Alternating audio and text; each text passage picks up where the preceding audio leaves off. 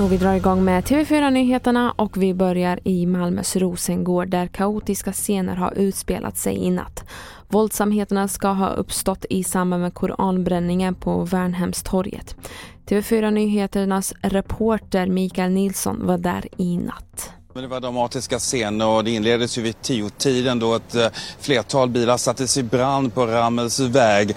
Polisen var först på plats för att eh, hålla lugnet men retirerade så snart det blev stenkastning. De lämnade området och begav sig närmare mot polisstationen där de inväntade befälsorder. Och vi går vidare till översvämningarna som fortsätter att ställa till problem i tåg och vägtrafiken i de mellersta delarna av Sverige. Under morgonen har tågtrafiken varit helt avstängd mellan Västerås och Sala och den väntas inte kunna återupptas förrän vid klockan 14 på eftermiddagen. Tågresenärer hänvisas till respektive tågbolag för vidare information.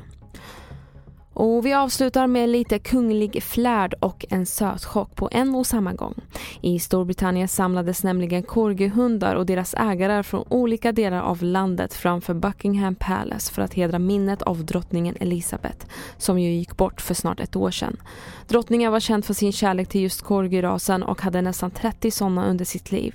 Det sägs att de till och med hade sitt egna rum på slottet. Fler nyheter hittar du på tv4.se och jag heter Merjem Jamil.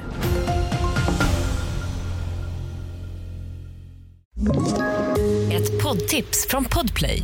I fallen jag aldrig glömmer djupdyker Hasse Aro i arbetet bakom några av Sveriges mest uppseendeväckande brottsutredningar går vi in med hemlig telefonavlyssning och, och då upplever vi att vi får en total förändring av hans beteende. Vad är det som händer nu? Vem är det som läcker?